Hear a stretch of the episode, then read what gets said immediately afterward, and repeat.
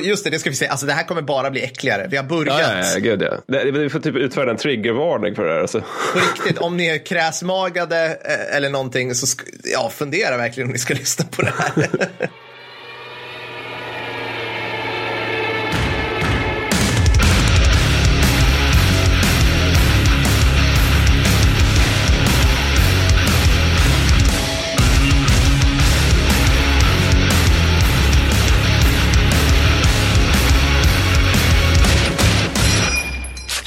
Hörni, eh, så här. I avsnitt 69, Soldater fuckar runt och ballar ur, så yrade jag lite grann om att man får komma på Tersenfesten om man bara blir liksom G2A Patreon liksom precis innan eller något sånt där. Så här va, det där var lite för generöst av mig. Jag, jag skyller på att jag likt Konrad eh, lever i mina konjakstimmor och bara vill ge allt till alla som någon förment Bamse-socialist. Jag ber om ursäkt. Så här ska det givetvis vara. Den som har varit med i sex månader den första november får komma.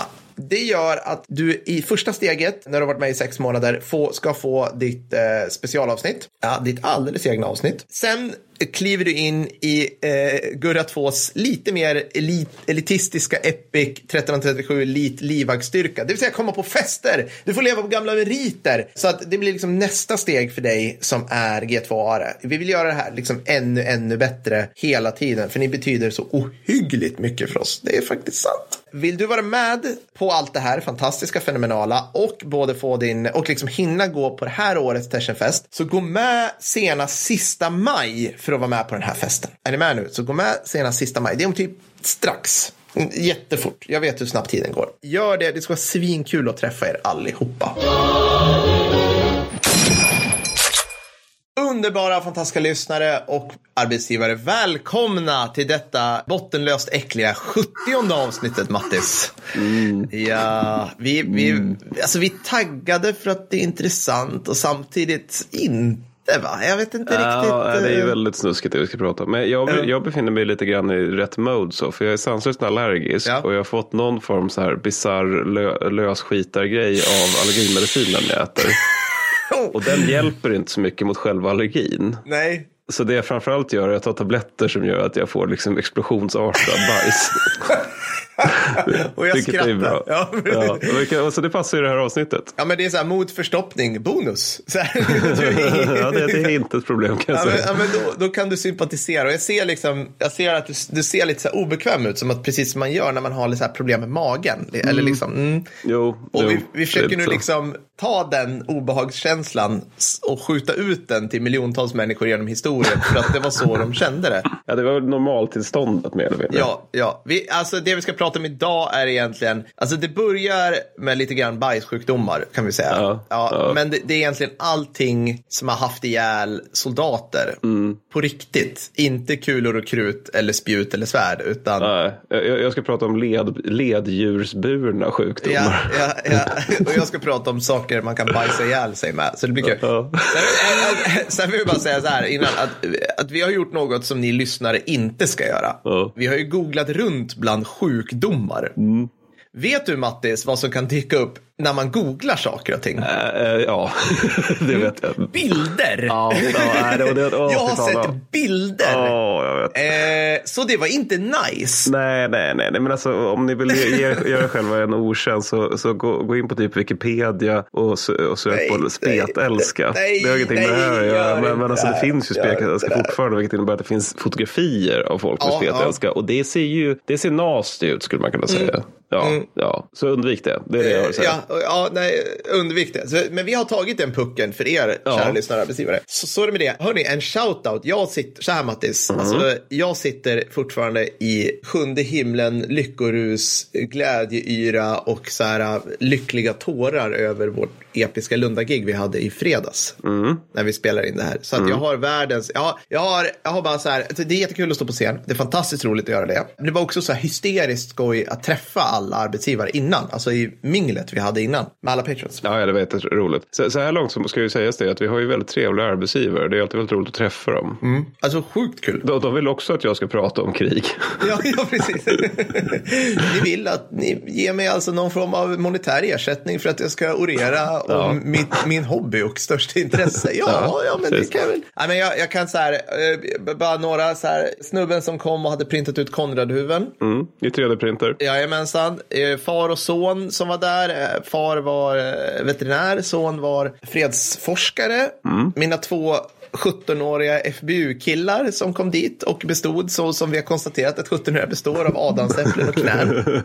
Jättekul att ni ville komma grabbar. Eh, och sen har vi liksom Robert och hans fru. Det var, det var han alltså som lyckades få på sina tre tonårsdöttrar. Ho, ho, ho, I have a medeltung Ja, just det, det var han det. Ja, hjälte. Ja, Ja, sjukt Dad bra. och det ger sig. Ja. Ja, men, och sen tusentals andra som kom och bjöd oss på presenter och, och ehm, punch och allting. Och oss medhårs. Fruktansvärt mycket sånt. Och du är ju från och med nu snygg Mattis efter att du fick massa komplimanger.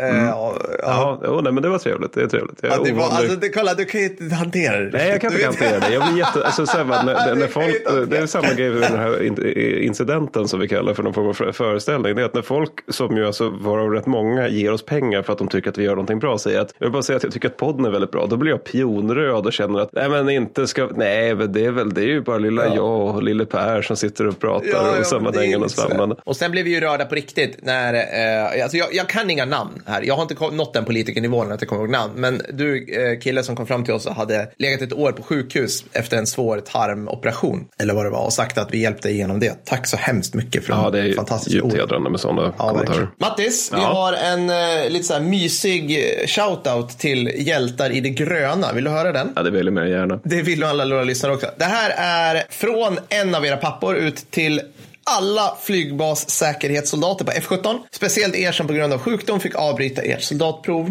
Mm, jag blir lite, men jag tycker det är synd. Det är tråkigt. Ni gör en fantastisk insats för landet. Evig ära. Och det här är alltså från en av era pappor. Yes, sen har vi två stycken så kallade sista, sista minuten shoutouts också. En är från en Andreas som vill ge en shoutout till sin underbara flickvän. Och han skriver att hon ska krya på sig för att hon tyvärr har drabbats av livmodercancer. Och självklart att hon är mitt allt. Sanna heter hon, så krya på dig Sanna. Och sen vill jag också ge en shoutout. Den här kan låta lite konstig, men jag vill ge en shoutout till José för vad jag tyckte var ett, eh, ett bra samtal helt enkelt. Och med det så måste vi tyvärr kasta oss in i det. Ja, det måste vi. Det Vi måste, vi. dyka ner i fältlatrinen anno eh, 1793. För vi ska prata om fältsjukan. Ja, precis. Eh, detta underbara samlingsbegrepp. Och jag tänkte ställa en fråga, börja med att ställa en fråga till lyssnarna. Men även till dig Per, men jag tror vet Ja, tack. svaret på den här. Ja. Vilket är det första kriget i världshistorien där våld står för fler förluster än sjukdomar? Alltså med, ja, soldater. Ja, ja, jag kan hipstersvaret Ja. och jag kan det standardsvaret Ja. tror jag. Men Så- nu tycker jag att l- lyssnarna skriver ner på en lapp här vad Ja. de tror att det är. Mm, Och sen så kommer vi ge svaret. Mm. Ja, mycket bra. Mycket bra. Så låt höra Per. Hipstersvaret är rysk-japanska kriget. Jajamän. Bra, tack. Jag skulle säga att det standardsvaret är VK1. Ja, för att precis. vem fan behöver komma ihåg Ja. rysk-japanska Men det, det som är kul är att båda är ju ett historiskt nyss. Ja, ja. Det finns fotografier från båda. Ja, ja. Det finns rörligt från VK1. Ja. Och det är fortfarande så att det är, liksom så här, det är sjukdomarna Ja. innan det som tar flest soldaters liv och, Ja. och tillfogar flest förluster snarare än våld. Och det här tycker jag är kul för man tänker sig hur krig avbildas. Mm. Nu brukar vi prata om film men även liksom man tänker sig här liksom slagfältsmålningar och Mm. sånt där. Det är ju rätt sällan man ser någon som så, står och spyr vid vägkanten och håller på och skiter ihjäl Nej. sig. Liksom. Nej. Utan det är ofta liksom någon som står på en vit sprin, springare, är liksom Ja. helt ren och Ja. snygg och har Ja. en liksom schysst uniform. Och det man ska komma ihåg är att han har ju en fruktansvärd diarrésjukdom när han sitter på den där pollen. Ja, liksom. ja, visst. Alltså hästen är täckt av bajs. Ja, det ja, måste ju ja. vara så. Liksom. Det, bara, det bara rinner ur anus. Ja, men precis. Alltså, just det, det ska vi säga. Alltså, det här kommer bara bli äckligare. Vi har börjat. Ja, ja, ja, gud ja. Det- Vi får typ utfärda en triggervarning för det här. Alltså. På riktigt, om ni är kräsmagade eh, eller någonting så ja, fundera verkligen om ni ska lyssna på det här. Ja, men, också, men det där, just det här konstaterat tycker jag är lite intressant. För det innebär ju också att man, man kan ju tänka sig då, eftersom återigen vi tar det här konstaterandet Ja, en gång till. I regel har fler soldater dött av sjukdomar än av bataljer. Ja. Om man tar det eh, konstaterandet till sin yttersta gräns. Då blir det på något sätt som så att man, man har ju liksom, man har en idé idé om vad som är en bra general. Och det är ju han, liksom den framgångsrike fältherren som kan liksom se Ja. svagheterna i fiendens linjer och Ja. så vidare. Fräcka manövrar, kan Ja. kringränna och sånt där. Det är en variant. Den andra varianten är den general som tvingar skyttet att gräva djupare latringrupper. Ja, Ja, exakt. Ja, men det är ett tecken på en bra general. ja, men typ så här, alltså, om jag minns rätt så, så här, karolinerna led så här 30-50 procentiga förluster på grund av fältsjukan. Ja. Och det ansågs som revolutionerande lågt. Alltså Karl XII var så här, alltså, Karolin, jag, jag citerar liksom, karolinerna hade så här episkt mycket bättre sjukvård än typ papisterna eller ryssarna de slogs mot. Och de liksom, Kalle Dussin gjorde såna här grejer som att typ så här, han hade liksom Jämtlands regemente och sen hade han 100 meter förläggning där. Och sen hade han liksom 200-300 meter och sen kom Upplands regemente. Så att, så att liksom sjukdomarna inte skulle beblandas mellan regementen åtminstone. Och det var liksom what? Unheard of. det, det där är från hans eh, farfars krig, Karl X krig Ja. i, Karl X Gustavs krig i Polen. Det finns det en rätt rolig skildring av hur, liksom, hur allierade transylvaner då. Bara det är ju... Ja, vad är det härligt? Huggtänder och... Ja men precis. Ja, men de, de, de, de, det är liksom en skildring av hur det svenska lägret ser ut. Och det är Ja. liksom så att det, det är väldigt snyggt. Allting står i fyrkanter och rektanglar. Liksom Allting är ordnat och bra. Och sen så Transylvanias, det är liksom bara en hög. Ja. Så. Och så Ja. man ser liksom officer som jagar en gris med dragen värja och sånt där. Det är bara liksom, folk vältrar sig i lera. Och, det, och det är mycket riktigt, de leder lite högre förluster av sjukdomar än vad svenskarna gör. Roskilde 98 liksom. Så här. Ja, men typ, typ. Grisigt. Nej, men, eh, ja, precis. Och Jag, jag, jag har en, liksom en tanke här. Så här. Okej, krig då, förindustriellt, oerhört smutsiga. Mm. Ja. Krig nu, jag ska säga så här, fortfarande oerhört smutsiga, men också ohyggligt skräpiga. Ja, Det, är, det är liksom så här, att vi, vi har mycket mer, att framförallt moderna arméer har vi mycket mer så här, engångsmateriell. Så att typ så här, vi försöker, alltså håller vi oss friska, vilket inte alltid är sä- säkert heller. Jag vet att liksom britterna hade så diarrésjukdomar i affe. Typ, Ja, ja. För att de inte lyckades hålla det liksom. Men vi är också så här extremt mycket så här bara skräp, plast, pappersförpackningar som vi kastar, ammunitionsförpackningar som bara dräller överallt där man krigar liksom. Men, men för det är ju i grund och botten det som är skillnad, eller orsaken till att, det är så, eh, att, att sjukdomarna eh, är så liksom allom, allomfattande under mer eller mindre alla krig innan 1900-talet. Det är ju just det med att det, det smutsiga kriget, som du säger. Och, och, och det är ju liksom, om man funderar på vad som avses med det så måste man ju tänka på vad är ett slagfält för någonting? Mm. Eller fel, vad är ett militärt läger Ja, för ja, någonting? ja. För då är det liksom så här, det är en stor mängd människor, och inte alla är soldater, Ja. som trängs på en mycket liten yta, Ja. som är lerig och dan eftersom det alltid är dåliga värdeförhållanden på länge sedan tiden. Och folk går där hela tiden. Och liksom, även, liksom i lägret Mm. så är lägret fyllt av liksom, bokstavligt talat lik, skit, härsken mat, spyor, Mm. piss, hästkadaver och så vidare. Och allt det här gäller ju förmodligen dina britter i Affe också, fast exklusive hästkadaver. Ja, liksom- nej, nej, men liksom alltså det, allt det här drar ju till sig bakterier. Ja, eller, det liksom, eller drar till sig, det, det är liksom perfekt storm för att det ska uppstå ba- bakterier, eller finnas en god bakterieflora i grund och botten. Ja, och jag menar, alltså, vi, jag kan ta det på en gång, men liksom, jag har två anekdoter från, kring sådana här grejer som är så här, det, det var liksom, det var som gjort för att vara det. Och det, det första är liksom typ, jag var, hade, vi hade en slutövning i Halmstad och då, då fick man för, det här var på gamla, ja men 2006 Mattis, den gamla goda tiden när vi skulle lajva internationella insatser så fort vi hade chansen. Mm. Då var vi ett kompani på 200 man plus som förläggning på ett lerigt fält som var så här 50 gånger 50 meter. För då, det var liksom inget taktiskt vet, i skogen eller något sånt här, utan vi ska, vi, ska, vi ska låtsas att vi har en kamp i Bogaland. Ja. Då ska vi vara på Bogaland, en... just det. Ja, ja, alltid. Alltid Bogaland. Låt höra Bogaland-jingeln. Det finns ingen Bogaland-jingel. Det borde finnas en. Och då, då, då liksom, ja, men då så, så väldigt tajt utrymme. Du är med så långt. 12 Mm. Ja. tält. Ja. Ytterst begränsade sanitetsmöjligheter på det här. För det regnade, så det blev, liksom, det blev ledigt. Mm. Sen kommer någon på att så här, okej, vad, vad ska de här bajsa någonstans? Vi, det är ju ändå, du vet, hot utanför stängslet. Mycket citat. Ja, nej, men då, då, då ställer vi två liksom bajstunnor i mitten av kampen. Och sen virar vi liksom masknät runt det och gör liksom gångar in. Det var, det var hyfsat liksom smart. Ja, ja, Alltså, det, det låter ju som att man ändå får sitta lite avskilt så. Ja, och sen bara okej, ja, men nu, nu har vi det. Mm, var ska vi utspisa någonstans liksom, när vi kommer med käk? Ja, men typ 10 meter ifrån.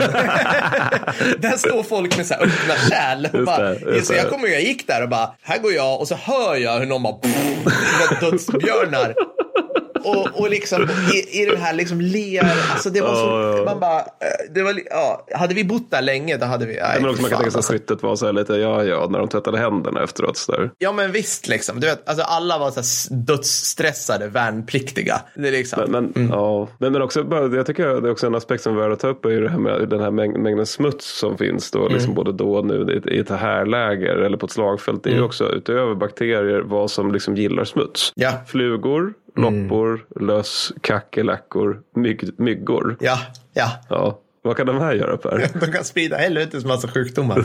Ja. Du berättade för mig om malaria. Jag höll på att ramla av stolen. Ja, vi kommer till det när vi Ja, ska gå igenom okej. malaria. Mm. Men, men, men, men, just det där du är inne på, jag tänker att när ni hade, skulle strida i Bogaland, liksom ädelt för den svenska, eh, svenska äran i grund och Jajamensan. botten. Någonting ni hade var nog en fältdusch va?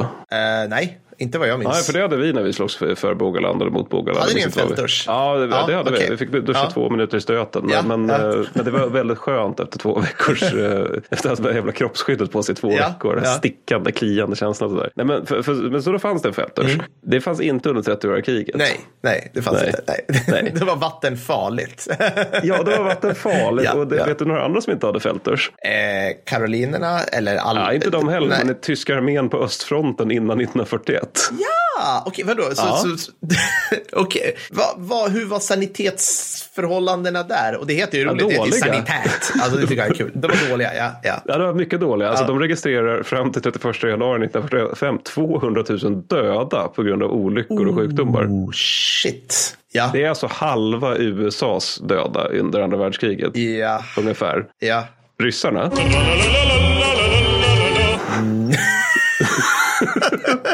Förlåt. Röda armén registrerar 7 641 312 sjuka under kriget i öster. Ja, Ja, varav några nu naturligtvis dör då också. ja, ja. För, för att liksom det här med vattnet, att man ska tvätta sig, om man då liksom tänker att det var så illa på 1900-talet. Ja. Då tänker vi oss då hur det är på 1600-1700-talet. Ja. En skröna säger, och det här är Peter Englund när han är ung, så jag tror att det här är verkligen en skröna. Man Mm. Ja. säger att Solkungen, Ludvig XIV, Ja. han den här liksom ädle, schysste monarken, Ja. c'est moi, alltså ska tvätta sig två gånger under hela sitt liv. Ja. Första gången var när han, liksom, han skulle ta bort liksom, du vet, så här, resterna av att han har fötts i grund och botten. andra gången var någon gång i medelåldern. Då står liksom läkaren omkring badet och bara mm, mm, det här är en mycket allvarlig situation. Och han är sådär skakande, går ner i badet och typ drabbas av ett slaganfall. Som sagt, jag tror inte det här stämmer, Nej. men det står i en publicerad bok av Peter Englund, Förflutenhetens landskap. Så jag säger det i alla fall, så kan jag gömma bakom honom. Det är, för bra, det är för bra skröna att kontrollera och, och avfärda. Det är ju jätteroligt. ja, ja, precis. Nej, men för, för, men, för det är en sak med vattnet, men det andra är det här med vad man dricker. Just det, Ja. precis. Öl och sånt. Och, Ja, och- Men alltså, jag, alltså det fanns ju ändå, man säger ju idag att liksom, okej, det var bra att de på något vis höll sig undan från vatten på ett sätt för att liksom, annars skulle de dricka stillastående vatten, Ja. typ bäckar och så här latrin. Alltså så, här, Ja. så bra så. Men allt vatten är inte dåligt. Det hade varit bra om ni kunde liksom tvätta er och få bort liksom skit. Ja, precis. För nackdelen är ju att de springer kring lite smålulliga hela livet i grund och botten. För att alla hinkar i sig liter is med öl varje dag. Men det är ändå liksom det där med att man, man, man alltså, som du säger, det, det är ju bra. För att alltså, på sent 1800-tal, då skrevs det en bok om citat floran och faunan, slutcitat, inklusive silverålar i Hamburgs vattenledningar. Ja, ja, såklart. Mm. Ja, för det var, det var nämligen så att, eh, att Hamburgs borgerskap tyckte att skatteslaveri, Ja. så att de orkade inte investera skattemedel i sandfilter. Va? Nej. Så det innebär det att man kunde dra på en kran, offentlig kran och utkom alltså silverålar i mängder. Fan, vad- Sen då när det kommer en koleraepidemi till Tyskland 1892, då är det föga förvånande 8600 eh, Hamburgbor som bajsar ihjäl sig. Medan det är typ så här 12 övriga tyskar som gör det, för att alla andra har ju sandfilter. Så att det här med liksom vad man får i sig, det, är så- om det är så på sent 1800-tal, det gäller ju naturligtvis även liksom under 16, 17, 15 tidigare tal. Liksom. Ja, i fucking fältförhållanden.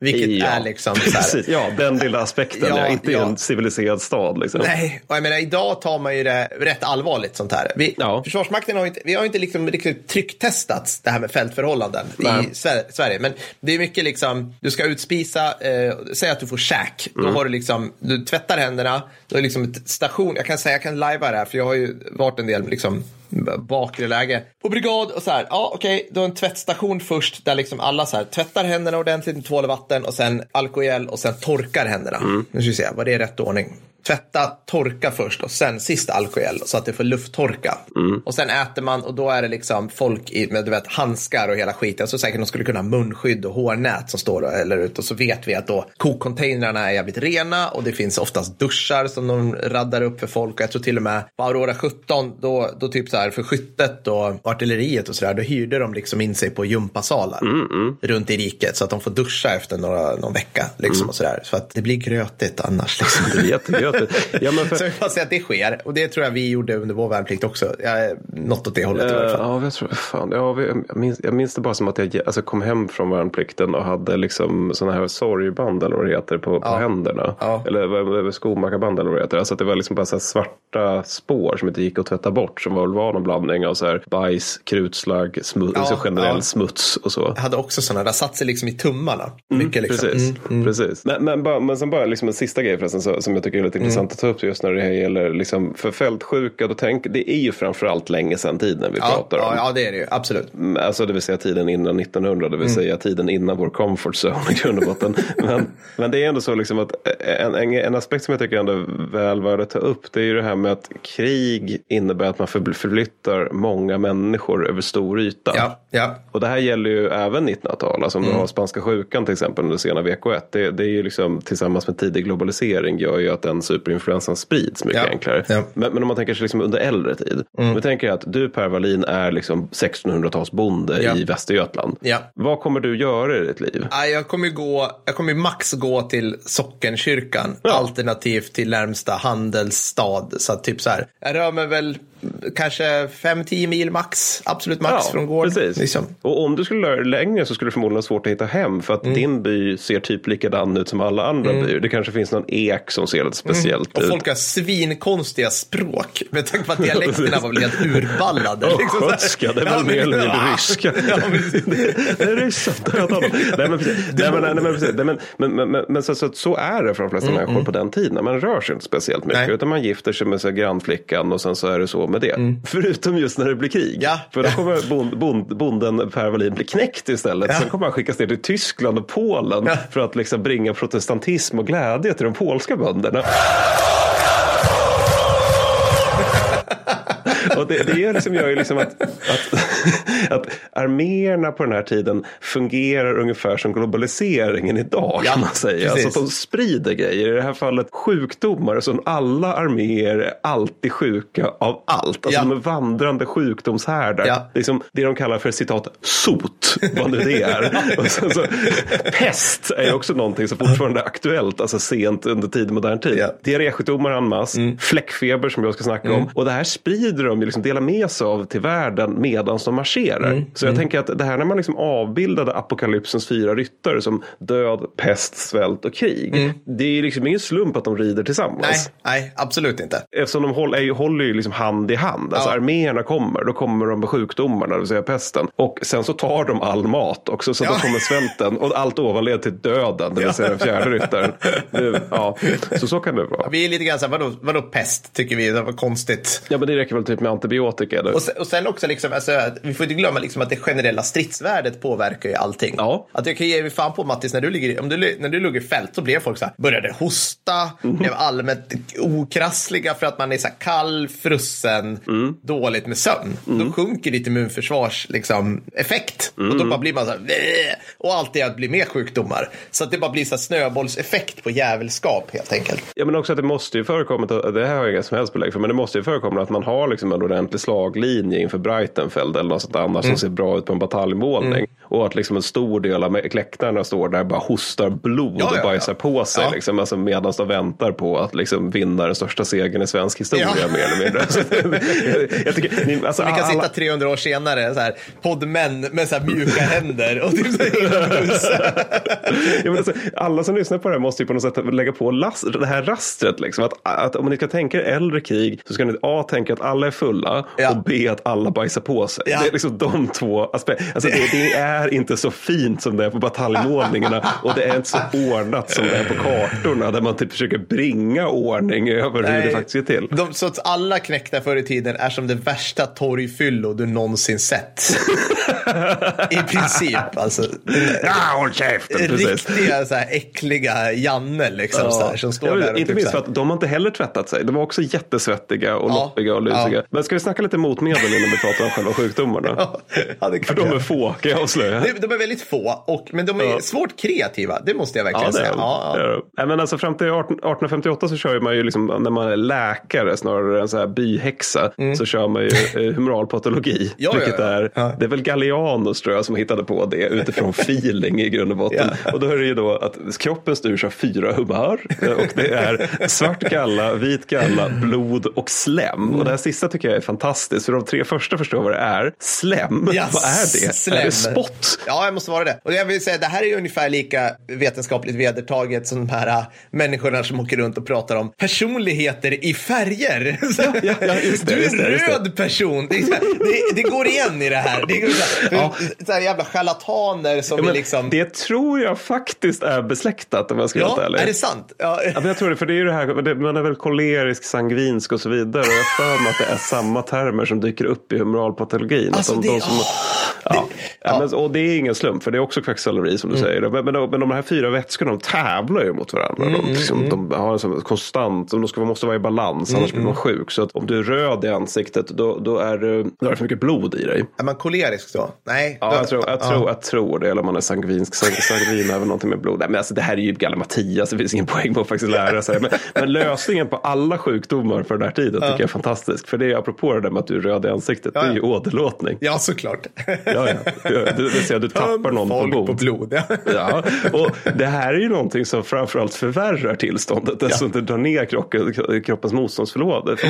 George Washington Ja. drabbades eh, av någon så här oklar, alltså USAs grundfader, han som de utnämnde till typ så här sexstjärnig general Ja, 1980 på grund av så här, vi får väl bra i magen själ under Mm. Reagan-tiden. Han drabbas av så här oklara lungbesvär eller halsbesvär mot slutet av sin Mm. levnad. Motmedel mot detta, pumpa ur honom cirka två liter blod.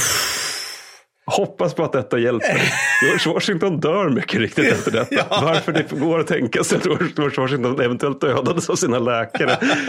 Det var ju folk som absolut inte lät läkare komma i närheten av dem. Alltså på riktigt. Nej, liksom. det, ni kommer inte hit liksom. Nej, men också så här, när, när, förlåt, bara sista. Ja. Mm. Men det, när Johan Banér låg för döden, då, då fanns det ju en massa läkare där liksom, som gick runt och liksom nickade lite Ja. grann och hummade. Och så, så, mycket sånt att de höll på att lukta på hans piss och peta på hans bajs och så där Ja. för att se vad, är, vad händer i kroppen. Ja. Så. Och vad jag har förstått av saken så är det liksom att man på 1600-talet ofta liksom kallade in läkare mer för att man skulle liksom visa att jag har råd med det här. Exakt. Eftersom det är Ja. dyrt. Så samla läkarna, det är som en fin Ja. grej liksom. Ja, så manifestation för rikedom. Inte så att man trodde att det skulle ske någonting. Eftersom väldigt många läkare tänkte sig att eftersom det handlar om den här balansen mellan vätskorna Ja. så innebär ju det att det, liksom, det är en naturlig balans. Ja. Så att då måste liksom naturen få skapa balansen själv. Ja, igen, ja, alltså återupprätta den. Vilket då innebär att läkarna inte gör någonting. Nej, men, nej.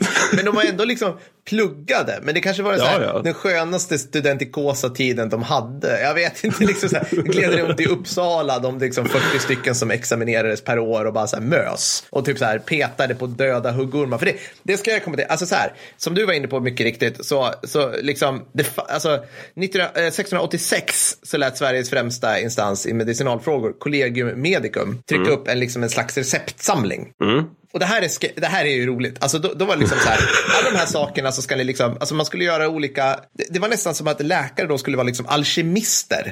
Alltså man skulle ha med sig mortlar och man skulle göra liksom salvor och oljor och man skulle hålla på liksom, du vet, koka saker i små så här knark, meth-grejer som skulle gå så här. Ja. Och bland, de, bland vissa ingredienserna då, bland annat huggormskött, hjortpenis, noshörningshorn, dagmask, grodrom, rävtarmar i älgklövar, gäddkäkar, svintänder. Ja. Utöver då liksom olika frön, örter, bark, stenar, lera. Sen skulle man i sig grejer som krut och bly. Så aktivt skadligt man. Är inte det här det bästa groggvirket du har hört? Liksom så, liksom, så, så det var liksom ett, alltså bara ett sammelsurium. Liksom. Om du bara så här, "Ja, jag har ont i, i foten. Du bara, ja men jag ska mortla till lite hjortpenis här som jag sen slänger i lite småsten. Hyvlar av lite ekbark. liksom. Jag läste någonting att alltså, karolinska fältskärer under Stora Nordiska kriget, de hade ju med sig liksom en liten väska ut i fält som innehöll bland annat just gä- gäddkäke och sånt där. Ja. Men där fanns det också pulveriserat enhörningshorn. oh, svårt att få tag i.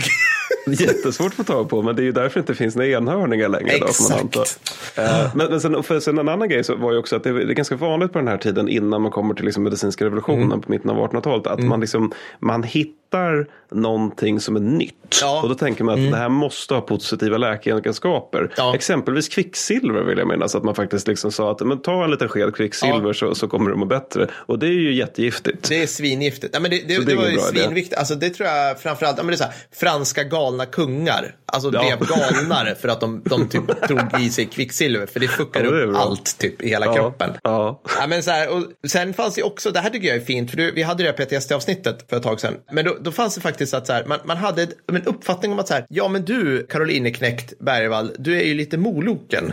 Typ så här. Alltså man kunde, de, folk blev deprimerade och hade ångest och så här. Ta här, och då har vi såklart lite magiska amuletter och trollformler.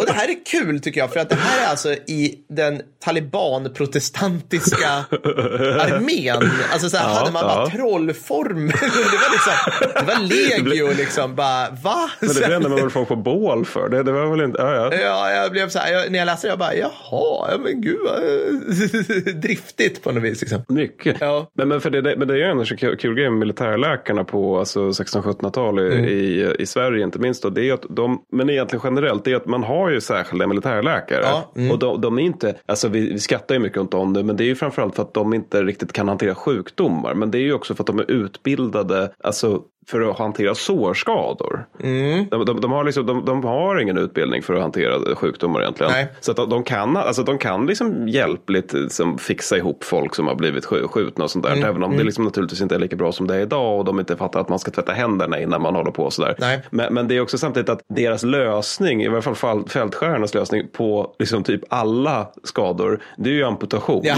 Alltså det är på så här nivån, ja, jag har fått en kula i benet, ja det blir amputation. Jag har lite hosta, ja det blir amputation. och alltså de, de, de ses ju alltså, Jag har stukat foten. Amputation. Ja, det blir amputation. Det finns ingenting vi kan göra. Får, du får liksom två deciliter brännvin och en tygtrasa Ja. i munnen. Ja. Nu kör vi. Ja, alltså, och det roliga är ju alltså, de sågs, alltså fältskärarna sågs inte som läkare. Nej. De sågs som hantverkare.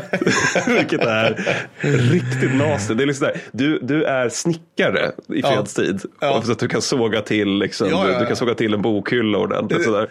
Och sen så i krigstid så blir blir du fältskärare istället. Ja, men, jag, alltså, men det där, alltså det, gud det finns så mycket anekdot. Men jag, har ju, jag kan säga så apropå att det där lever ju kvar lite grann. Här med amputation. Mm. Jag hade några polare som var surfa i Filippinerna. Off, liksom, alltså långt ifrån Manila. Ute innan så här, i obygden typ. Och då var det så här, ja men de surfade och så var det en av dem som, om jag minns rätt, han fick ett rätt nasty skärsår på ett rev. Där, och de går in till byn. Ja. Och där finns det typ en läkare. och den läkaren bara, Ja, nej, och de bara, ja, men ska vi köpa en antibiotika eller du vet, liksom, kan du lägga på? Och han bara, hmm. Och så, så här, börjar förklara och så gör han en skärande rörelse med handen för att förklara och de bara, eh, what? Han bara, vi måste nog ta foten. De bara, eh, nej, nej, nej, nej, nej. Back- tar sin polare och backar ut ur rummet liksom. Bara, Ja, så att Han det- hade just det- ut kycklingben på golvet. Ja, men lite så. Alltså, jag bara, shit. Så, så det där är... Jag, jag, jag, menar, jag land tänk, sa du det här var? Det var eh, USA? Ja, exakt. USA. Nej, Ja, Filip, nej, Filippinerna. Liksom. Filippinerna. Men typ U- USA, så här, Louisianas träskmark. Ja. Men, men sjukdomar, alltså, och det kan man kanske ge dem. Jag vet till exempel att svenska soldater i Afghanistan, några missioner inom mig, de bodde på en kulle. Mm. Jag vet fan om den hat- hette bara Alice Hill eller något, skitsamma. Och där fanns det någon form av, alltså jag min, om det var någon form av flugor som var eller myggor som var smittbärande. Så Mm. de fick typ, jag har bara sett bilder på det här med så här bältrosutslag runt kroppen. Mm. Kanske så här 10-20 svenska soldater. Och det är ju liksom typ ish livslångt. Liksom. Mm. Alltså det, det kan komma och gå, liksom, men ja, det är inte livshotande. Men apropå det här att bara, ja, men du, du, du bor i naturen. Ja, visst, nej, men, men, det var en gammal kollega till oss skulle åka till Mali. Mm. Då, då så hade han med sig liksom, till, till jobbet. Då. Han jobbade liksom och sen skulle han åka. Då hade han med sig läser liksom listan med mediciner han förväntades ta innan Ja. Mali. Ja. Och då var det liksom så här att det var någon av dem, jag tror faktiskt det var mot malaria, att det var en så här lite mer kick-ass malariamedicin Mm. så, som, som liksom så här bipacksedeln, det var så här biverkningar, typ så här feber, yrsel, diarré, sömnsvårigheter, döden. Alltså att det var så jävla, för, för att återigen, de skulle ju vara ute i öknen mer eller Ja, mindre. visst. Ja, man har ju hört en del om malariamediciner. Ja, ja, fortsätt. Men bara om avsluta den grejen med liksom länge sedan tidens motmedel. För att jag vill ändå stryka under att återigen, gamla tiders människor är inte korkade. Alltså Nej. de fattar ju också att man vill förebygga det. Men, så att det liksom, och 1700, till typ 1700-tal där någonstans så börjar man liksom förstå åtminstone att man ska ha rent omkring sig. För att man Mm. har liksom redan sedan gammalt, som du var inne på, förstått att liksom, äh, drick inte stillastående vatten. Nej. Alltså de förstår inte riktigt varför. För att som vi var inne i Fraustadt-avsnittet, de tänker ju att det är miasmor då, liksom, som på något sätt är dåliga. Men då förstår ändå att man dricker inte det. Mm. Nej. Och, och på 1700-talet börjar man förstå att vi ska ha rent åt det. Så att det liksom att i reglementet för svenska armén 1761 så föreskrivs att man ska byta läger och sänghalm ofta. Mm. Och det är ju en rätt liten grej som leder till en väldigt stor förbättring Mm. för svenska soldater. Eftersom de dör i mindre omfattning av meningslösa bajsvattensjukdomar. Mm. Men det som är egentligen den stora grejen det är 1800-talet. För att det är liksom mitten av 1800-talet sker en medicinsk revolution. Mm. För det är där någonstans man börjar, liksom börjar tycka att okej, men vi har redan haft en naturvetenskaplig re- revolution sedan ganska länge. Mm. Och av någon anledning har vi kvar humoralpatologin. Nu ska vi testa humoralpatologin och se om den är evidensbaserad eller inte. Och kommer fram till att mycket riktigt, nej, Nej. det är den inte. Och då är det liksom så, jag minns inte när det är, alltså det, det, det är om det är 1856 just, men, men, men då är det liksom så att man mer eller mindre över en natt bara kasserar hela den gamla läkarkåren och in dyker upp, det kommer en ny Mm. läkarkår som är yngre. Och, så, och de, de har bland annat stetoskop, vilket är en väldigt Oh. stor grej. Man kan liksom, i kroppens insida är inte totalt mysterium längre. Nej, Man nej liksom- precis. Utan, och man, också, man är intresserad Ja. av att nej, men så, de antika storheterna sa att... Nej, men, nej, men, men, men, men det som är lite intressant med det här, att det här, då blir det ett slags glapp. För då Ja. är liksom den gamla läkekonsten, ja, den har vi kasserat. Ja. Men den nya har liksom bara konstaterat att den gamla är dålig Ja. och inte kommit med någonting eget riktigt. Nej, nej. Så, så, I det här glappet så uppstår det liksom herrarnas fria åkning. För det uppstår liksom typ så här, allt kvacksalveri idag Ah, ja. uppstår under den här tiden som är typ så här 1850-1880. Ja. Ja. Alltså, och grejen är att det här höll i sig ganska länge också. Så, så, även samtidigt som den nya medicinen utvecklades. Och som jag nu inte har fått det här helt om bakfoten så är det liksom alltså faktiskt på väg in i 1900-talet som det fortsätter. Men samtidigt ska man ju också komma ihåg att jag liksom utgår nu från två böcker som jag läste från 15 år sedan där det stod att det var på det här sättet och eh, jag har inte tillgång till dem längre. Så jag vill minnas till exempel antroposofin uppstår den här tiden. Do I believe that I'm causing harm by not vaccinating my child? No, I don't. Well, you're a fucking idiot. Åh, shout out till Järna.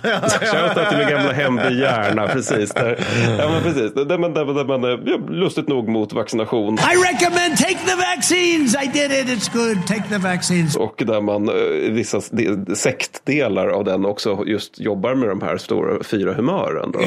Fortfarande. Liksom. Det, det är liksom, det, Ja, men vad de heter, Solbackaskolan har jag för mig. De dömde elever utifrån vilka, om de var sangviniska och liknande. kom en dokumentär för det förra året. Det, var Det en, det var jättekul att vara från Järna då. Bara, Jaha, du är därifrån? Ja. Nej, jag gick inte där. är du sangvinsk eller kolerisk? Eller vilken är Ja, men det var ju så här, det var så här att rektor, den nya rektorn var liksom, sa, sa, sa någonting i stil till, med, med till dokumentärfilmen då att men, jag tror inte att någon av lärarna fortfarande bedömer eleverna på det här sättet. Bara, nej, vad bra. Du tror inte det. Jag sätter betyg efter det. Så här. Ja. Alltså, du var jättebra i matten här, men du är lite för kolerisk i din, ditt kolerisk, det anslag det. här tycker jag. Så Ja. jag vet inte riktigt. Nej, men, men vad kul. Så där kommer liksom Snake och där tänker jag också så här, ja men liksom alla westernfilmer där det är bara kvacksalveri. Det är ju precis som du säger den tiden. Det har inte jag tänkt på. Fan vad intressant. Mm, visst är det. Är det då också som man typ, man håller på med sådana här saker som vi tycker är helt sjuka idag. Man skär upp allt över tiden, hela tiden. Alltså så här, bara galopperande obduktioner av allt jämt. Jaha, liksom. säkert. Alltså, på den här tiden, det kom en bok om det för några år sedan som, jag minns inte vad den hette, men typ så ett blodigt yrke eller något som handlade om kirurger under sent 1800-tal. Mm, Och, det, och där, det, det konstaterades att de, de, de bedömde, deras kompetens bedömdes utifrån deras styrka och snabbhet. Ja, Det vill säga att man bara bröt sig in i människokroppar och sådär. Då, och så, Men, men men för att säga det ärligt, om jag var skulle så här, om jag skulle opereras på slutet av 1800-talet Mm. och så skulle jag liksom, okej, vad finns det för bedövningsmedel? Alkohol. Ja, check. Ge mig allt. Ge mig all alkohol. Sen skulle jag vilja ha en jävel som är stark och snabb. Ja, alltså, så här, men, man, man förstår ju det bara så här, för det, jag vill bara att det går fort så inåt helvete. och att du liksom orkar såga av mig benet. Just eller det, liksom,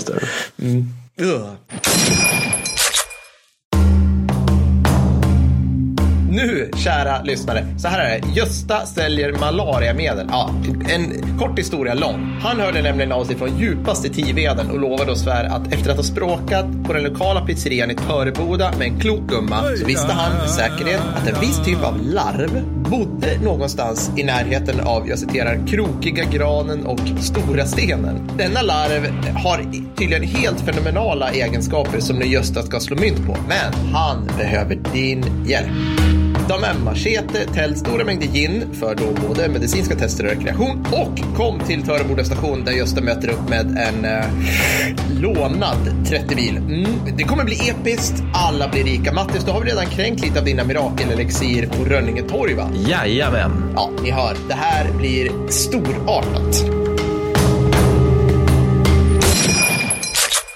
Men ska vi snacka lite om själva sjukdomen eller? Ja men vad kul. Ja.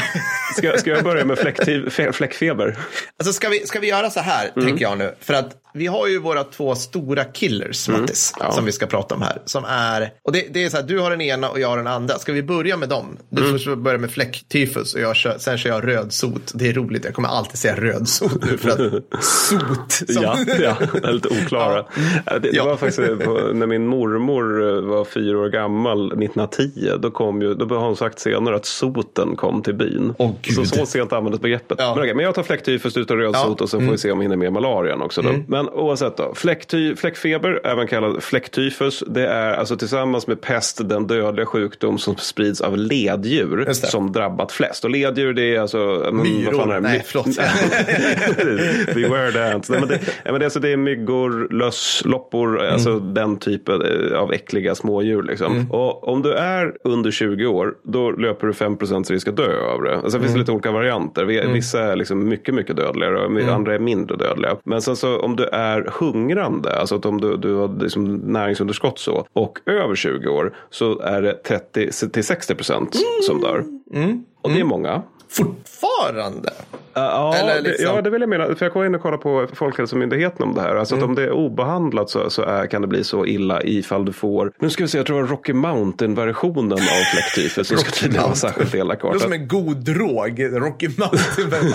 ja. Nej, men alltså, man, man tänker liksom vad som är en soldat på säg 1600-tal eller 1500-tal. Det är ju det i regel en person som är undernärd Ja. som är lite över 20. Ja, ja. Med andra ord är fläckfeber inte bra när det kommer till nej. arméerna. Och symptom då, det är liksom det här klassiska. Alltså det är det som står på bi- bipacksedeln för min, min allergimedicin. Det vill Mm. säga huvudvärk, frossa, feber och allmänna smärtor plus yrsel. ja, ja. Komplikationerna det är neurologiska symptom, chock, njursvikt, lunginflammation, blodpropp med mera. Mm. Och eh, naturligtvis döden är alltid en, en del av allt det här. Då. Och det här sprids då av en bakterie som använder löss som så kallad vektor. Alltså Mm. det, det, Lusen sprider bakterien och då är lusen vektor. Jag pratar här medicinspråk som ni vet så är jag Ja. utbildad läkare så det är säkert Ja, jättebra. ja, men sådär. Mm.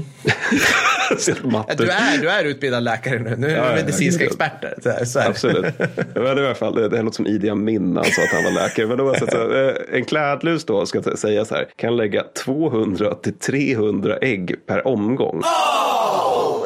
Det är äcklande. Och de kan liksom, så att det är liksom det klädhushånan krälar runt i ens kläd, sömmarna på ens kläder i regel. Och gärna i armhålan för det är varmt och skönt. Och sen så är det nya ägg.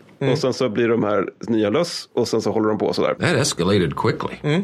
Och bara para sig med varandra och ha sig. Och de här, det är också lite sjuka med de här, det är att lössen de överger för varma eller för kalla människor. Jaha. Vilket innebär att när lusen innebär, eller inser att nu har jag gjort mitt. Ja. För nu håller den här personen på att dö av fläcktyfus. Ja. Då kommer lössen emigrera till de som ännu inte är sjuka och har hög feber eller liksom kallnar för att de rakt av är döda. Och värt att notera är att alla förr i tiden, alltså det här är undant, det här är inte en generalisering, alla förr i tiden har löss. Det bara är så det är. Det, är liksom, det är till och med så att man i Europa på, här, på alltså, ska vi säga, 16-1700-tal ser det som att om du har en lagom mängd löss så är det, liksom, det ses som ett tecken på att du, eh, ha, ha, att du mår bra. Ja.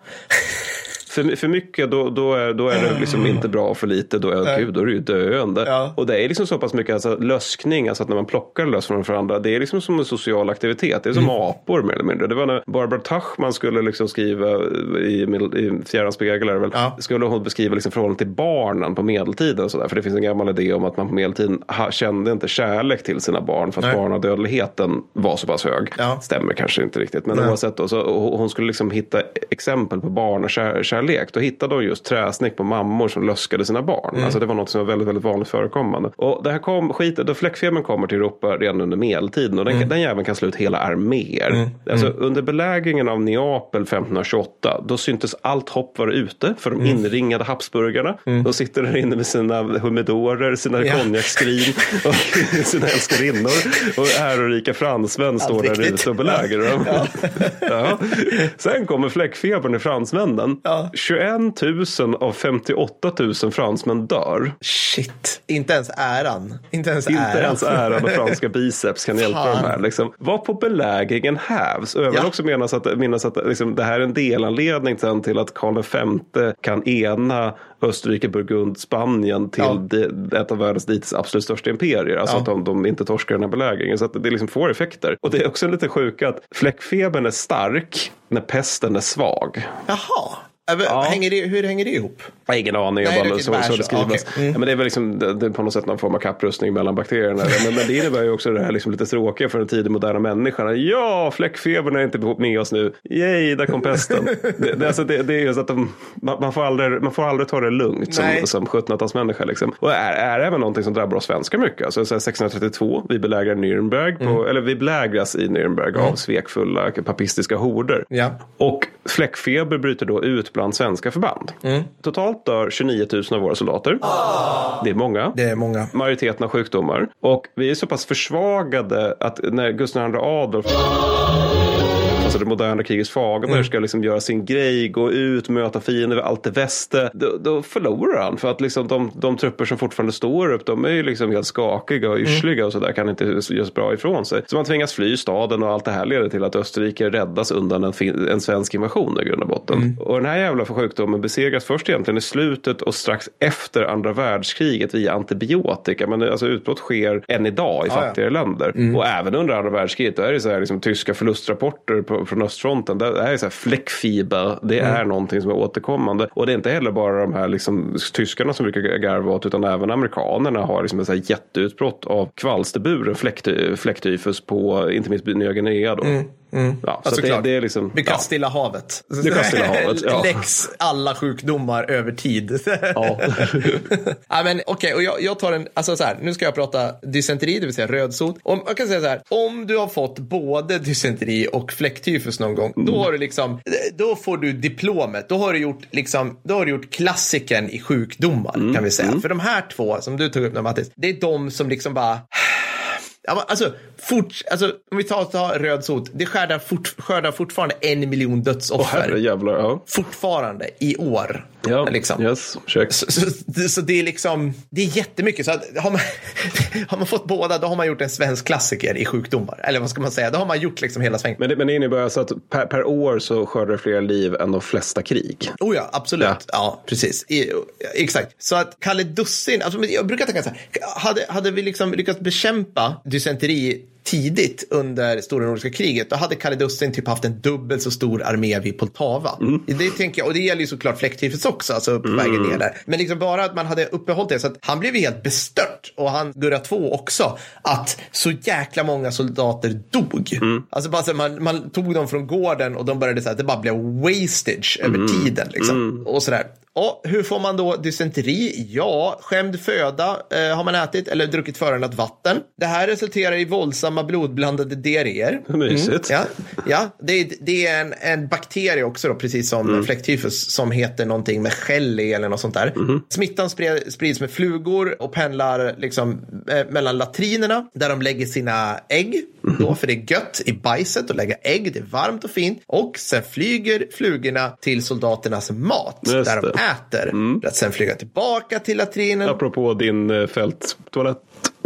Ja, eh, exakt så. Liksom. Och så håller de på sådär. Och så, det finns liksom vittnesmål liksom varma, så här, varma högsommardagar över de här härlägren där soldaterna bodde. Där kunde, där kunde liksom, de kunde vara svartfärgade av miljontals flugor. Ja. Alltså det kunde vara liksom, var och en kunde då ha sjukdomen på sig. Så det kunde liksom vara, alltså det, det, det liksom, du hade det så mycket där. Så att, och så började du äta någonting nedanför dig Mattis. Så skulle, Du fick äntligen ut din, din ranson med bröd och vad var det Karolinerna fick i det avsnittet? Ett halvt kilo. Ett kilo smör per dag. Så nu sitter du och du äter Ja. din kaka med smör. Ditt margarinpaket Och det bara- Ja, ja, typ.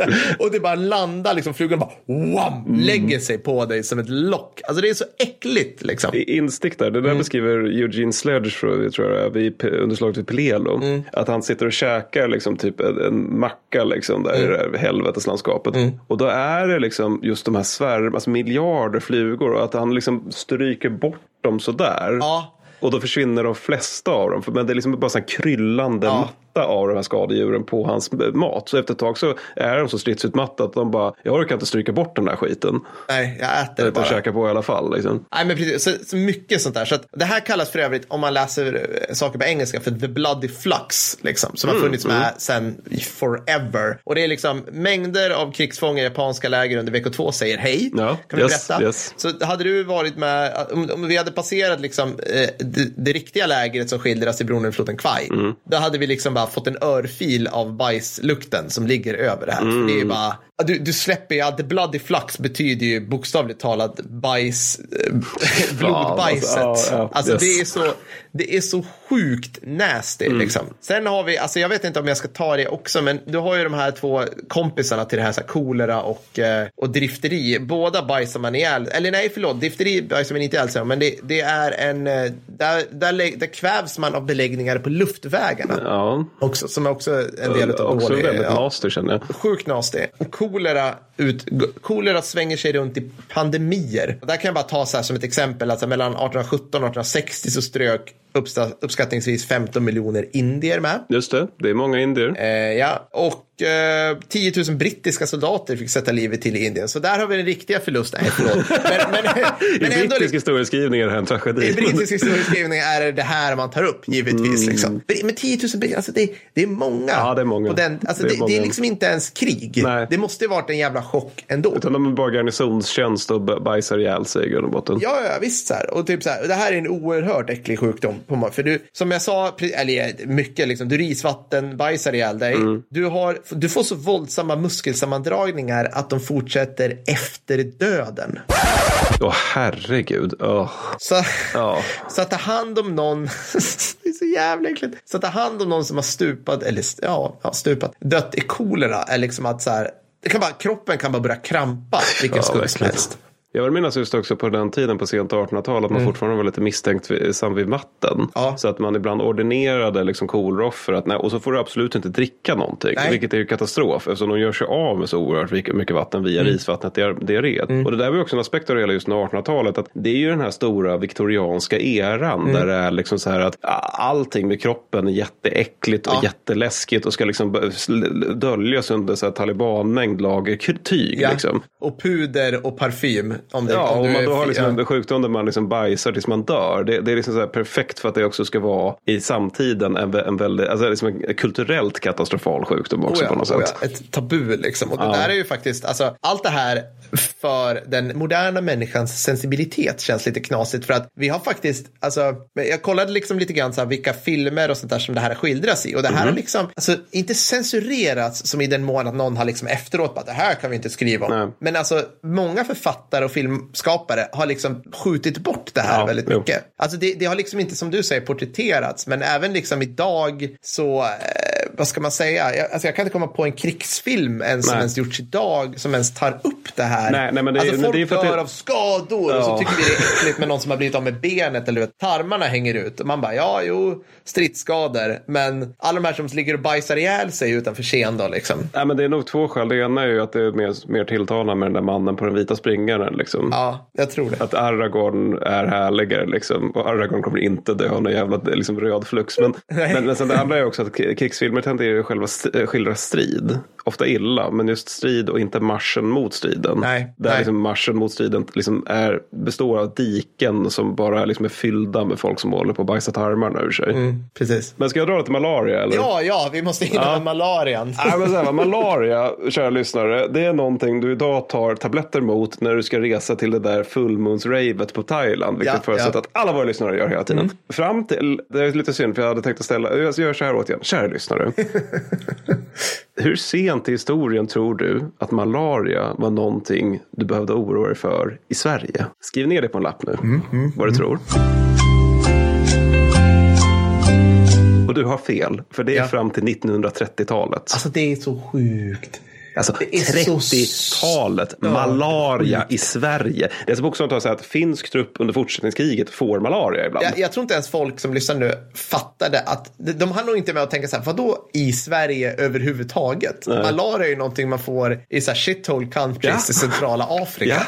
Ja. Ja, visst. Ja, Nej, okej. men så- så, men- jag måste bara, vi, de smälter den infon just nu. Ja, vi, vi får lägga in ett tic-tac-ljud där lite grann så att vi, de hinner tänka efter. Men, men grejen är att eh, det det här försvinner ur Sverige på grund av så här utdikningar och annat så här rejält Sara Lidman-mys. Men, men, men det här innan så var det här liksom det som kallas för den europeiska sjukan ofta. För att alltså det, det, liksom, det blev till del ett skydd mot e- europeisk expansion i tropiken. Eftersom det skulle kunna vara så här 2000 portugiser går i land i Västafrika och 20 kom ut ur djungeln för resten hade fått malaria och dött. Ja, liksom. Efter 100 meter.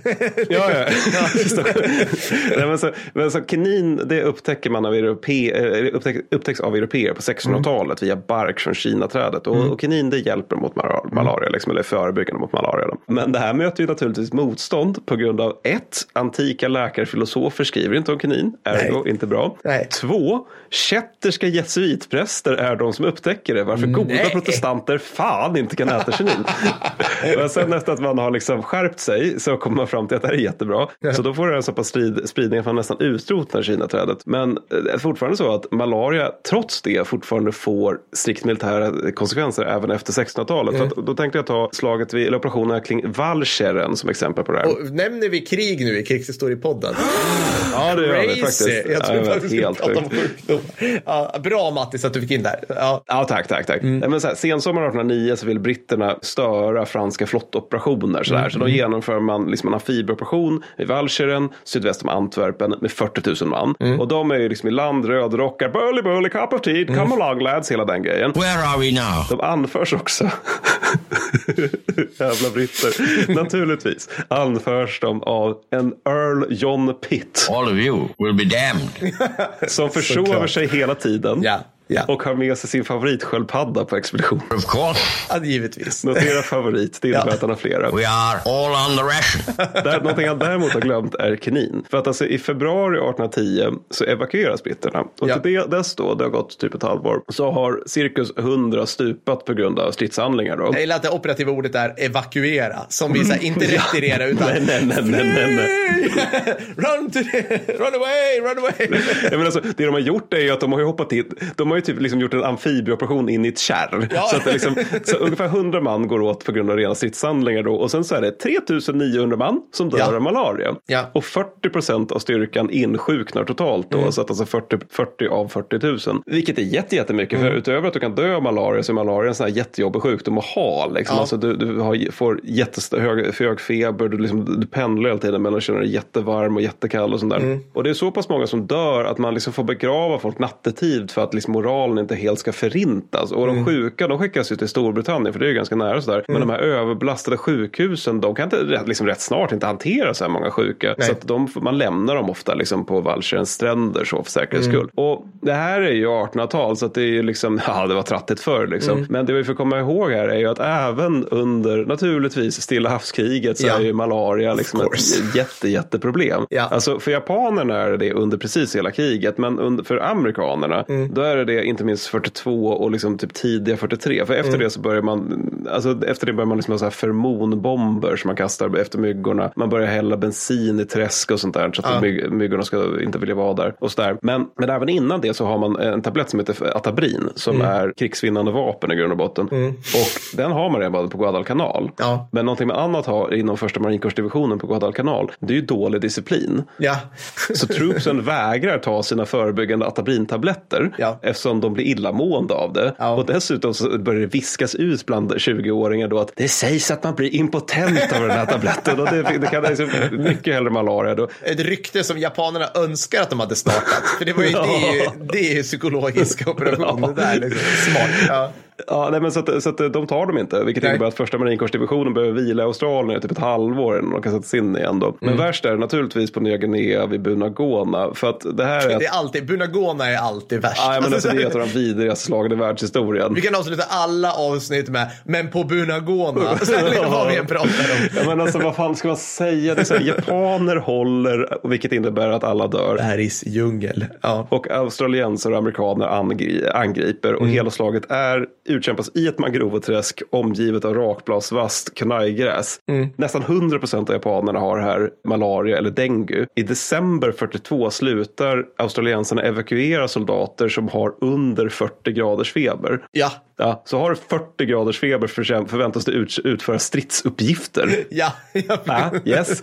Sen har vi då sista exempel då, det är då att amerikanska 32 divisionen, de inleder det här slaget med 9825 man som är här för att rädda världen och är jätte, de är övertygade om att de är jätteduktiga bäst i världen på att slåss. Av dessa får 7125 malaria. Det är typ halva divisionen. Utan Mm. Ja, det är problem. mer, alltså, ja. de, det är ni, sju av 9000. Ja, det är liksom ja, det är 9000 bara i amerikanska. Ja, mm, Ja. ja, ja. Och, så, och då, så då får man ju lägga till stridsförluster på det här. Då, så den totala förlusterna för divisionen landar på 9956 man. Ja, det är typ 100 procent det då. Ja, det är mer än 100 procent. Det är typ mer. 110 procent. Ja. Så att det är bra att det finns ersättningsmanskap. Ja. Så, och till detta naturligtvis så har båda sidorna jungle rot. Ja, ja. Naturligtvis. Ja, Ja, så ja. Vi har inte ens pratat om det här. Vilket vi kan ha en egen podd om. Det kan vi absolut ha, generellt tropiska sjukdomar. Ja. Oh my god, kan vi få lägga in lite typ så här klacken?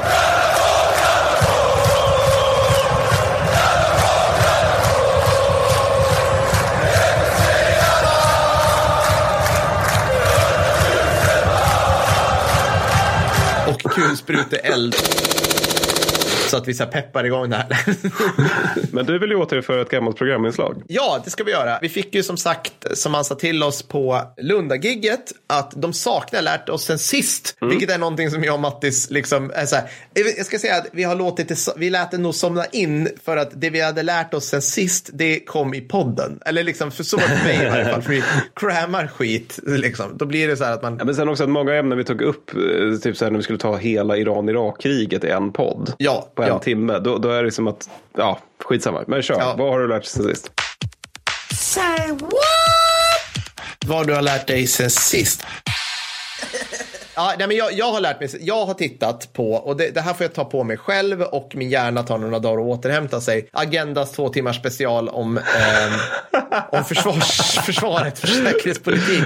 Och man får lite ont i ansiktet på många nivåer. Alla experterna, alltså det är värt att se bara för experterna som intervjuar. Men sen ska ju våra folkvalda politiker typ ha åsikter om saker de absolut inte bottnar i. De, de, här som, de här som har fostrats i den eviga fredens tidevarv. Alltså utan tvekan eviga. Alltså som, som, tro, liksom, som ylar så här, värnplikt! De har lärt sig ordet värnplikt och tror att det kommer lösa allting. Så, vi är ingen luftvärn till våra korvetter. Värnplikt! ja, okej. Men skitsamma. Men då tyckte jag det var roligt. Det var några grejer som jag bara så här, för de, de, då kan de ju också tänka lite så här, eftersom de inte är begränsade av rationell förståelse eller kunskap så kan de ju tänka fritt. Ja, så då är det typ, jag, jag, jag upplever det som att Sverigedemokraterna hintar om att man vill satsa på driftvärnet. Jaha. Så här, eller han sa, han, där, han sa någonting om att så här, ja, folk med KSP framför viktig infrastruktur. Och jag bara, det är fucking driftvärnet. Det är driftvärnet. Så jag, jag bara, ja SD. Jag, jag säger här, alla partier, kör, alltså satsa på att sticka ut nu. Ja. SD, säg så här, skrota flottan, vi vill ha driftvärn. Eller något, bara kör driftvärnet. Alltså så här, varenda jävla transformatorstation i Sverige ska ha gubbar med k-pist. Bydena ut k-pist 45, blå overaller, alltså krigsplacera alla som jobbar på någon, något som heter verk, någonting, någonting. Just Liksom. det, just det. Och sen så här, C, de hittade på ordet cyberförsvarshemvärn. Vilket Vadå? Alltså. Det är bara så här 13-åringar som lärt sig koda lite eller vad? Alltså, jag fattar inte vad det är. Alltså, så här, Ja, ja, ja. Annie Lööf så här, gjorde sitt så här, tomma leende när hon sa det. Så här, Det var liksom, fint. det var. Och därför tycker jag, men jag ger KD, de borde bara säga nytt kärnvapenprogram. Yes! Ja. Mm, svenskt kärnvapen, för det skulle ju lösa mycket. Så är det bara. ja. Vad har du lärt dig Mattis? Nej, men det var, jag lärde mig faktiskt någonting, eller mycket, men jag lärde mig en väldigt intressant sak av de här uh, officerarna vi hängde med i Lund. Ja. Men det var nämligen att de hade varit och tittat lite grann på finska armén. Eller om det var de eller om det var några de kände. Det var väldigt stökigt i lokalen. Men du var helt nykter givetvis. Som Ja, jag var Ja. relativt nykter för att jag hade även då dålig mage. Men, Ja. men oavsett så, så eh, hade de tittat på finska armén. Och det, det jag tänker och det som alltid brukar förmedlas i media det är att finska armén är huvud och axlar över den svenska. Ja, ja. Och att de skulle liksom äta oss till frukost. Ja. Vad jag tyckte var lite intressant var att deras analys var väl, och så att, ursäkta alla finska lyssnare jag, var att den är inte så jäkla bra. Nej, nej jag, jag togs också lite på sängen av det Ja, uttalandet. för de menar faktiskt. på att de har mållåst på hur det var under finska vinterkriget. Så att liksom, så som de beskrev det så var det liksom att om ryssen kommer så kommer vi liksom möta dem med allt vi har Ja. i främsta linjen. Ja. Och sen ska vi slåss där tills nå, ena sidan inte har några levande soldater kvar. Ja. Och om de bryter igenom första linjen, då så ska vi ta oss till andra linjen. Och där så ska vi slåss tills alla är döda. Och sen så ska de, de bryter igen, igenom den, då ska vi ta oss till tredje linjen. Mm. Och den ska vi hålla med knivar och finska hjältar tills alla är döda. Och det är, liksom, det är ju faktiskt inte så jättemodernt sätt att kriga på. Nej, nej. Nej, det är det som att de läste om Maginot-linjen och bara, ja men det var fransmän som gjorde det. Vi kan det bättre. det. De var för oambitiösa. Det liksom... Några andra som förlorade för andra världskriget läste om några Ja. andra som förlorade andra världskriget. Det var bra. det här ska vi fixa upp. Nej, men, nej, men se- seriöst, jag tyckte det var väldigt intressant. Sen kan säkert någon finsk lyssnare höra av, någon finsk officer gärna höra av sig och säga Ja. att, det, att det här inte stämmer. Men jag tycker det var intressant. Eller liksom, eller brodera ut det. Ja. Jag, ska, men jag, håller, jag håller helt med. Ursäkta, här sitter jag och gäspar. Det var dåligt. Och nästa avsnitt, Mattis, kommer Ja. bli helt fantastiskt. Då har vi ett specialavsnitt om propaganda. Mm, mycket viktigt. Det går lite patroner om jag inte missminner mig. Jajamensan, det blir bara till patroner. Och eh, det kommer vara eh, lite specialgrej. Vi kommer ha en liten tävling där. Da, da. Så Ja. får man hålla utkik. Nästa ordinarie avsnitt är, nu ska vi se Mattis, avsnitt 71. Där ni underbara arbetsgivare kommer få rösta. Jag har röstat till och med. Har röstat. Vad vann? Första världskrigets elitförband. Oh, Men, men det var, mycket bra. De, fick välja mellan första världskrigets elitförband och för, kvinnor under första världskriget. För det har varit så pass många som har velat ha någonting om Mm. liksom, kvinnor i krig. Så. Och då lät det som passande att ta just det då. Men samtidigt var det så pass jämnt skägg så att liksom, okej, men elitförbanden vann. Men det kommer bli någonting om kvinnor under första världskriget också. Vad det lider. För Ja. att det var uppenbart, pop, uppenbarligen populärt. Liksom. Ja, precis. Och det ni ska ta med er här är att ni har bestämt vad vi ska rösta om. Det får man göra. Så är det. Bra, och med det så tackar vi för oss Ja. och går och tvättar öronen efter att Ja, ha pratat om bajsvattensjukdomar och sånt där. Det blir bra. Ja, det är bra. Hej då! Hej då.